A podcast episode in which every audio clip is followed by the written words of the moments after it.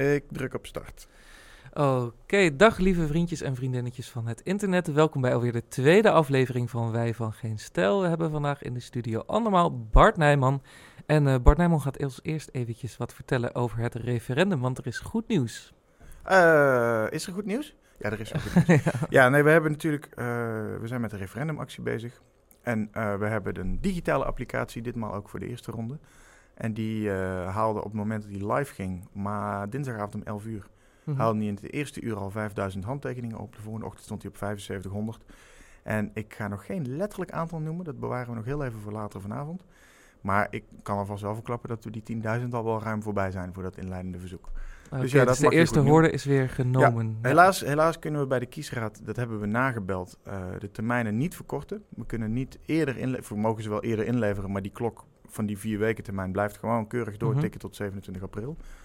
Dus uh, pas begin mei kunnen we aan de 300.000 beginnen. Daar mag je ook niet eerder aan beginnen, want alles wat je voor die startdatum ophaalt, heeft een geldige datum voor dit, uh, dus we moeten rustig de termijnen afwachten. Maar de eerste hobbel is in ieder geval al glansrijk genomen in de eerste week. Ja, en het uh, maatschappelijk enthousiasme voor het referendum is ook uh, onverminderd hoog, uh, zo te zien. Ik, ik, ik, ik ben daar zeer positief over, ja. Ik bedoel, ja, het feit dat ik zat dinsdagavond bij Pauw aan tafel voor het eerst. En dat was doodeng en heel spannend, maar dat ging eigenlijk best wel soepel. Ja. En het, alleen al het feit dat dat programma op zo'n beetje de eerste dag na paas al in de telefoon zit van... Hey, kom je langs uh, om hierover te vertellen, dat vond ik veelzeggend. En uh, ik merkte ook dat er daar aan tafel ook uh, zeer zeker geen negatieve houding ten opzichte van dit initiatief stond. En dat was prettig. En dat merk je op meer plekken. De, de Volkskrant heeft vandaag een opiniestukje van mijn hand afgedrukt. Wat mij natuurlijk een totale mediahoer maakt, maar hun ook weer sympathiek dat ze dat wel plaatsen. Ja. En zo zijn er wel wat meer plekken en zo waar, waar dit in een, uh, verre, op een verre manier benaderd wordt. En waarbij uh, media de, de horse race tussen het referenduminitiatief en de Senaat, stemming in de Senaat over de referendumwet. Uh, dat is voor iedereen een leuk haakje. Ja, ja, ja. ja en de, de effectiviteit van het middel referendum, of in ieder geval de maatschappelijke impact, ehm, daar hadden we vandaag ook nieuws over. Want er is namelijk een verklaring van de regering aangaande de, of de coalitie, aangaande de WIV, ofwel de sleepwet. Ja, uh, eigenlijk leveren ze vandaag uh, al dan niet bedoeld, ik denk onbedoeld, want zij willen van het referendum af, maar toch het bewijs dat het referendum werkt. Want de coalitie gaat in tegenstelling tot bij het Oekraïne-referendum kijken naar aanpassingen van de wet op de inlichtingendiensten. En dat is eigenlijk precies wat de tegenstemmers wilden, want er is niemand die, er zullen waarschijnlijk weinig mensen te vinden zijn die, die überhaupt geen inlichtingenwet willen. Want mensen willen dat diensten onderzoek kunnen doen naar terroristische activiteiten, naar criminele activiteiten, naar buitenlandse invloeden op onze democratie en rechtsstaat.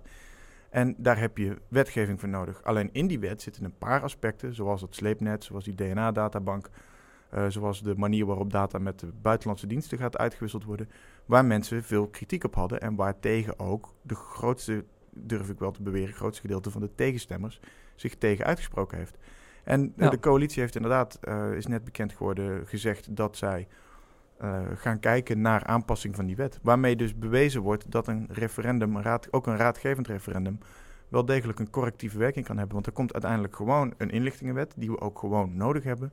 Maar misschien komen er aanpassingen in, waardoor uh, zorgen die critici over die wet, over hun privacy en dat soort dingen hebben, worden weggenomen. En dit is misschien waar... Ja, waar, mooi uh, succes van de sleepwetkids die dat toch maar even hebben Ja, zeker. Die, uh, Knap ja. van die studenten. En, en goed om de goede tractie verzameld bij de juiste groeperingen. Amnesty, Bits of Freedom, Privacy First. Om, ja. om, dit, om hier een referendum uit te slepen. En dit is, het, dit is misschien ook weer een kans voor Kees Verhoeven om te shinen. Om zijn glorie terug te pakken. Want mm -hmm. hij was natuurlijk een fervent tegenstander van die sleepwet toen hij Kamerlid was. Als coalitiekamerlid ging hij ineens heel hard propaganda voeren voor die sleepwet. En nu ziet ook hij misschien een kans om zijn 20 amendementen die tijdens de wetsbehandeling zijn weggestemd, alsnog een beetje op tafel te schuiven van nou, ik heb nog wel wat suggesties ja, voor ja, waar ja. je wenselijke aanpassingen kan doen. Dus misschien dat dat uh, voor hem ook een uh, positieve afloop kent. Ja, ben ik hier... wat, wat, ik eigenlijk, wat ik eigenlijk vooral ook, uh, ook, ook heel erg mooi vind om te zien, is dat um, wat, je, wat je nu echt, echt ziet, is dat de, de, de argumenten van lobbyclubs die normaal op de achtergrond opereren, zoals een Bits of Freedom of zoals een Amnesty, dat die nu ook eerst door de filter van het publiek gaan, in plaats van dat ze zich alleen maar richten ja. op die Kamerleden. Dus, dus dat, dat de, wat, wat bij Nederland, uh, wil columnisten als Sibinia schrijven daar veel over. eh, een soort schaduwdemocratie van, van lobbyisten en, en belangenorganisaties. En dat je nu heel erg ziet dat die, dat die belangenorganisaties nu ook een veel directere Ja. eh, avenue hebben om met het publiek... eh, ook, ook omdat juist een club als Bits of Freedom en ook Privacy First zijn niet degene met een echte dikke voet in de, tussen de deuren van de politiek. Omdat Nee. zij niet zo heel veel terug te bieden hebben. Zij willen alleen maar wat, namelijk bescherming ja, van privacy. En niet in ruil voor, noem maar wat, werkgelegenheid. Zoals een, eh, een Shell of een Axo of een Unilever wel zou kunnen bieden met hun lobby. En dankzij de megafoon van het grote publiek, het megafoon van het referendum, hebben zij hun geluid naar een hoger podium kunnen tillen. Ja. En inderdaad eh, beter in kunnen brengen. En ook aan, eh, niet alleen aan de politiek laten horen, maar ook eh, een groter, grotere groep van de bevolking kunnen bereiken. Ja. Om de belangrijke discussies over privacy en inlichtingenverwerving voor het voetlicht te brengen. Ja, ja, en dat Het zie je natuurlijk ook bij die... ja, ja, die donorwet, want dat- is al de meest intensief belobbide wet genoemd van de afgelopen tijd. Ja. En, en ja, ehm, kun, je, kun je daar wat meer over vertellen wie die lobby is en eh, hoe dat zich uitgaat eh, voor, eh, ja, hoe dat uit gaat pakken bij het referendum? Nou, er is, er is een lobby geweest. eh, NRC Handelsblad heeft daar een, goede of een uitgebreide reconstructie over geschreven. Ehm, waaruit naar voren komt dat één die wet een beetje geluk gehad heeft. Onder andere natuurlijk omdat Partij voor de Dierenkamerlid zijn, trein miste en daarom de stemming, waardoor die wet met één stemmeerderheid werd aangenomen. Ja. Maar ook dat er in de VVD-fractie een vervangend Kamerlid was, zat, Daniel van der Ree. Die verving volgens mij een, zwangerschapsverlof van iemand anders. En die stemde eigenlijk onverwacht tegen de het gros van de fractie in voor die wet. Maakte daar ook een beetje een punt van. Eh, eh, er wordt gemompeld dat hij zijn mediamomentje wilde pakken als Mhm. eh, Kamerlid voor, voor een dag. Ja, ja, ja. Maar ook vooral dat er dus inderdaad een uitgebreide lobby is geweest... waarbij patiëntenverenigingen en mensen die donorbehoeftig zijn... en onder andere een hartpatiënt... eh, gesproken hebben in de Senaat. En dat is uiteraard prima, want die, in de Senaat is, daar een, is openbaar. Eh, Er is geen eh, dat deel van de lobby is, is volledig transparant. Alleen het waren natuurlijk wel allemaal mensen die voor het belang van die wet waren, voor, of voor de invoering van deze wet. En er zijn in, in, dit, in dat traject geen critici geweest die over grondrecht vragen, over zelfbeschikkingsrecht, over de staatsrechtelijke zuiverheid van een actieve donorregistratie. Of zelfs een stichting lezen en schrijven die opkomt voor de 2,5 miljoen laaggeletterden in Nederland. Ja. Die zijn niet in zo'n zitting gehoord. En die kunnen dus juist in een referendum weer wel aan bod komen. Want dat Ja. zijn ook valide, constructieve tegenargumenten. Van oké, actieve donorregistratie prima. Iedereen daarvan op de hoogte brengen. Nobel streven. Maar hoe ga je dat dus met 2,5 miljoen laaggeletterden doen? Dat Ja. verhaal is ook een eh, verhaal wat in dit eh donorverhaal thuis hoort. Eh, en dat past dus heel goed in een referendum, omdat mensen dan uiteindelijk een keuze kunnen maken over hun eigen lijf en leden. Op basis van de informatie die ze hebben, ben je eh, ongezien voor meer donoren en meer donororganen en vind je het daarom prima om iedereen actief donor te maken.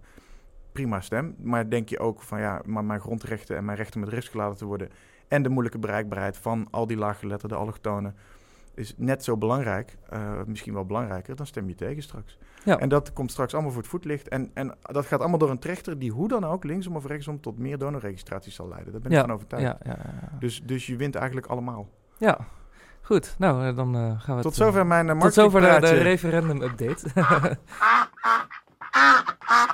Eh, bijna de halve aflevering alweer voorbij, maar dat geeft verder niet. We gaan nu eh, eh, diep, diep, diep de provincie in. Nou kom ik daar zelf bijna nooit als Randstadjongen, maar Je bent bang voor natuur, hè? ik, ben, ik ben vreselijk bang voor natuur. Het stinkt en het is groen en het bijt als je het aait en zo.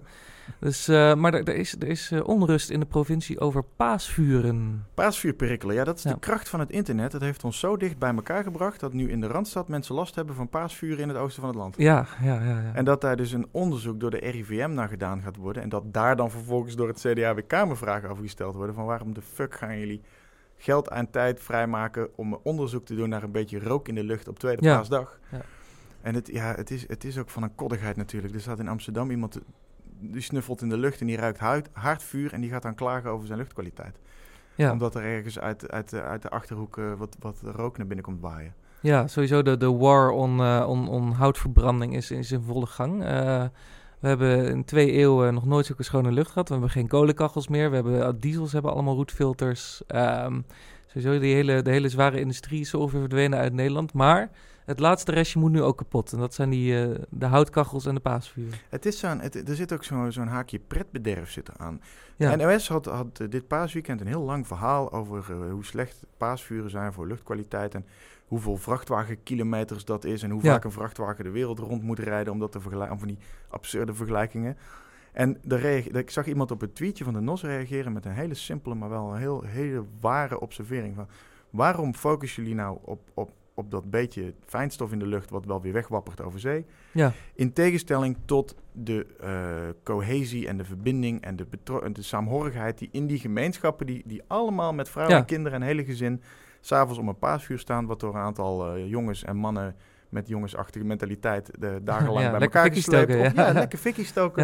ja. allemaal eromheen. Iedereen wenst elkaar een fijne Pasen. We hebben allemaal weer zin in het voorjaar. Het is allemaal goed voor, voor, voor saamhorigheid van de samenleving. Iets waar, eh, waar we toch ook allemaal zo naarstig naar op zoek lijken te Ja, zijn. ja, verbinding. En dan komen we ergens samen en dan gaat, gaat er iemand klagen Ja. dat de lucht stinkt. Ja, kom nou toch. Ja, en er is, er is geen blackface bij deze traditie. Eh, Nou, er als je worden te geen, dicht eh, bij zo'n vuur gaat staan, dan... eh, geen, geen haram dingen. Ik bedoel, er worden geen varkens geroosterd boven dat paasvuur. eh, dus eh, ja, het is eigenlijk een hele inclusieve traditie. ja, dan is het weer eens iets wat de moslims niet voor het hoofd stoot. Dan gaan er weer van die nimbies in Amsterdam liggen klagen. Dat, ja, het is Ja, ja, ja, ja, Leo Lucas, onze professor, eh, professor dramstudies in Amsterdam, die eh, twitterde al van... eh, ja, ze passen onze tradities aan. Als hier moslims bij betrokken waren geweest, dan was de rel niet te overzien. Over grootstedelijke obsessies gesproken. Ja, maar, maar driekwart van zijn tweets is... vul hier eens moslim in en kijk dan eens wat er gebeurt. Als, Ja. het, als het gaat over hoe, eh, hoe kokkelvisserij eh, of zo Ja. slecht is voor... ja, ja, ja, ja. Goed, en daar kijken ze dan in de provincie weer naar. Van, waar Het valt- wij in de het valt- Randstad het is mee, bezig het zijn. is, het, het- het- het- er is een groep mensen in dit land, en dan heb ik het dus niet over moslims, maar over, over die, die drammerige figuren, die ook, Ja. ook vaak links en, en zeker heel duurzaam zijn, die de, die, de, die de prachtige gave hebben om heel veel mensen zich niet meer welkom te laten voelen in hun eigen land. Ja, ja, en dan zelf eh, drie keer per jaar naar Thailand vliegen om daar te backpacken. Wat Ja, eh, allemaal, per vliegticket ook weer een heel paasvuur is aan eh allemaal, allemaal een Volkskrant abonnement waar je om de pagina een Corendon vliegreis aangeboden krijgt naar... ja, precies. Ja, één paasvuur, eh paasvuurklachten, terwijl je wel zelf ondertussen zit te boeken naar, naar, Ja. Ba- na- naar, je, naar, je, naar je overwinterverblijf in Bali. Ja, ja, waar ja. je zelf de halve wereld voor rond moet vliegen. Ja, goed. Die Volkskrant is wel weer heel handig om eh, de haard mee aan te maken. elke keer. Ja. Ja. Ja, dus, ja, ik weet niet wat dat voor de uitstoot doet. verbranden van druk inkt is ongetwijfeld ook niet gezond. Nee, nee, nee, nee. Maar het is, eh, leidt tot ongetwijfd tot meer, eh, meer Opdat- rust en opdat de klagers er het maar- lezen van die Opdat de klagers er maar veel van in mogen snijden. Daarom. Goed. Anders nog iets. Anders nog iets. Ik denk dat we nu wel weer naar binnen de ring gaan. Oh jee. Eh, ja, we gaan En naar hebben- islam. Of En nou, nou, is, het zijn niet, nee, nou, niet, niet, niet alleen maar. Ehm, maar we moeten het denk ik even hebben over het eh preformatiecadeautje. Nee, Zet, ik wil eh, even in- inbreken, inbreken. Ik wil niet dat we hier de zin gebruiken. We moeten het even hebben over. Jawel, we moeten het wel even hebben over. Eh, Alleen in de correspondent moeten ze het altijd even hebben over. We moeten helemaal niks.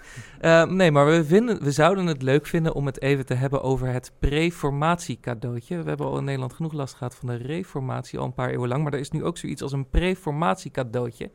Eh, en dat is dat ehm, de coalitie, of tenminste de, de Amsterdamse gemeenteraad als cadeautje aan GroenLinks beloofd heeft om het kraakverbod niet te handhaven als het gaat om illegale, eh, nou ja, uitgewezen asielzoekers.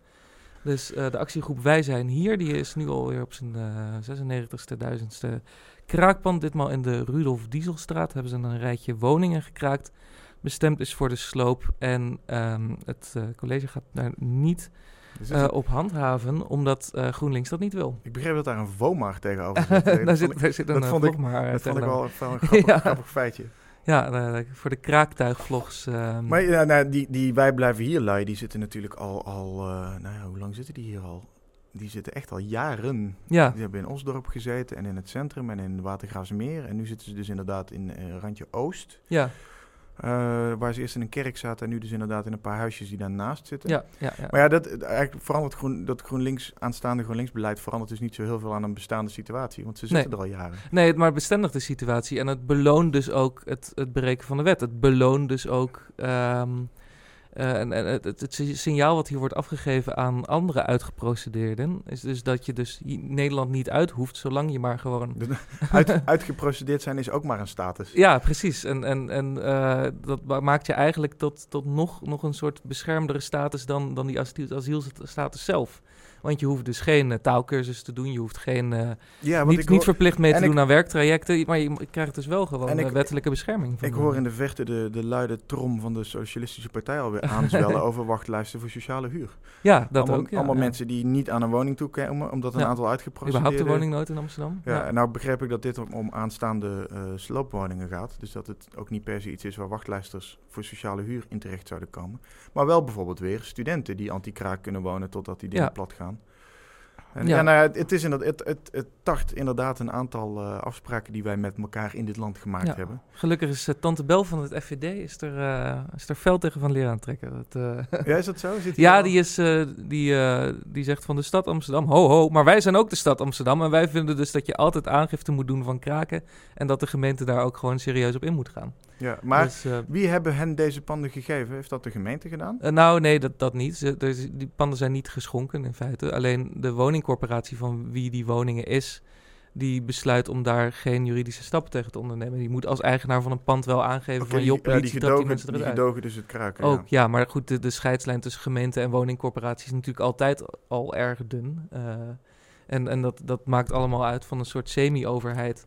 Ehm, die allemaal door dezelfde poppetjes wordt bezet. Ja, het zijn allemaal PvdA-bestuurslagen. Ja, precies. het, het is allemaal gewoon hetzelfde de semi-ambtenaren in pot nat van dezelfde linkse politieke Ja, partij. ja, er zit gewoon iemand op de stoperij die belt even iemand, met iemand bij de woningcorporatie. Ja, en die komt vervolgens de sleutels van die woningen gratis inleveren. Ja, maar wat, wat ik dus vooral erg vind, is dus dat, dat, dat de, de oude groep krakers, die dus ook zeer links en zeer extreem linkse denkbeelden heeft, en die dus al jaren demonstreert van met, met slogans als fuck your racist borders, die dus grenzen en eh, zie- ja, ziet als koloniale, koloniali- kolonialisme en racisme en eh, die, die het bezit van woningen sowieso afwijst. Eh, een hele felle neo-marxistische stelling eigenlijk.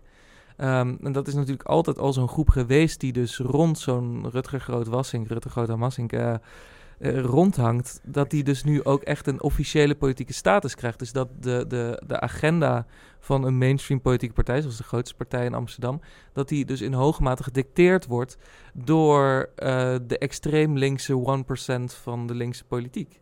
Ja. Dat, dat vind ik dus een, een, een heel erg gevaarlijk signaal. Is dat, dat de radicalisering van die linkse beweging dus, eh, dus nu ook echt politiek handen en voeten krijgt. Ik krijg nu echt een knijtergrappig beeld voor ogen van de Amsterdamse middenklasse.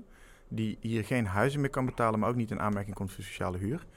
Die dan eh en masse eh, bij Rutger Groot-Wassink in zijn achtertuin gaat zitten. Want grenzen zijn racisme. ja. Kraken is ook niet meer erg. ja, En dat die dan gewoon zeggen van... Hey, eh, eh, we brengen onze eigen barbecue wel mee, maar wij gaan in jouw achtertuin bivakeren. ja. en als je niet thuis bent, dan gaan we in je keuken en in je badkamer... eh, Ja, ja, ja, ja. kijken wat, hij dan, kijken, delen. kijken wat ja. hij dan nog zegt, bedoel ik. Ja. Gaat hij dat dan ook nog, eh, is het dan ook nog oké? Want het is altijd, altijd dit, dit makkelijke gelul van ja, grenzen zijn racisme en, en, en, en jouw huis is ook mijn huis. Totdat het iemand is die in zijn huis Ja. zijn, zijn persoonlijke levensfeer binnenwandelt en zegt en nou is het van mij. Nou ja, je ziet hier twee grappige groepen natuurlijk. Je hebt aan de ene kant de gearriveerde witte linkse middenklasse van Amsterdam, die dus zelf een koophuis heeft, heel veel private property, heel veel In dit huis zeggen we blank.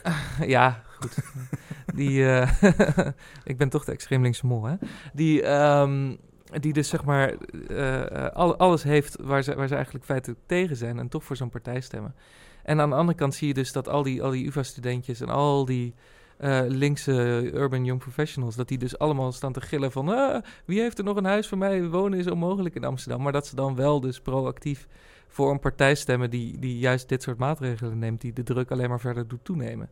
En dat is, ja, ja, ja goed. Mensen, mensen stemmen nou eenmaal graag tegen hun eigen interest in. Dat, eh, Ja, dat is grappig. Ja. Dat zeggen ze ook altijd over de rechtse populisten. Oh ja, absoluut. En die doen dat ook. Ik bedoel, Ja, is- als je kijkt naar de, de Engelse Tories, die dus ook eh, een groot deel van de Engelse working class eh, voor zich laten stemmen, terwijl niemand een grotere hekel heeft als eh, aan, aan working class en de Tories.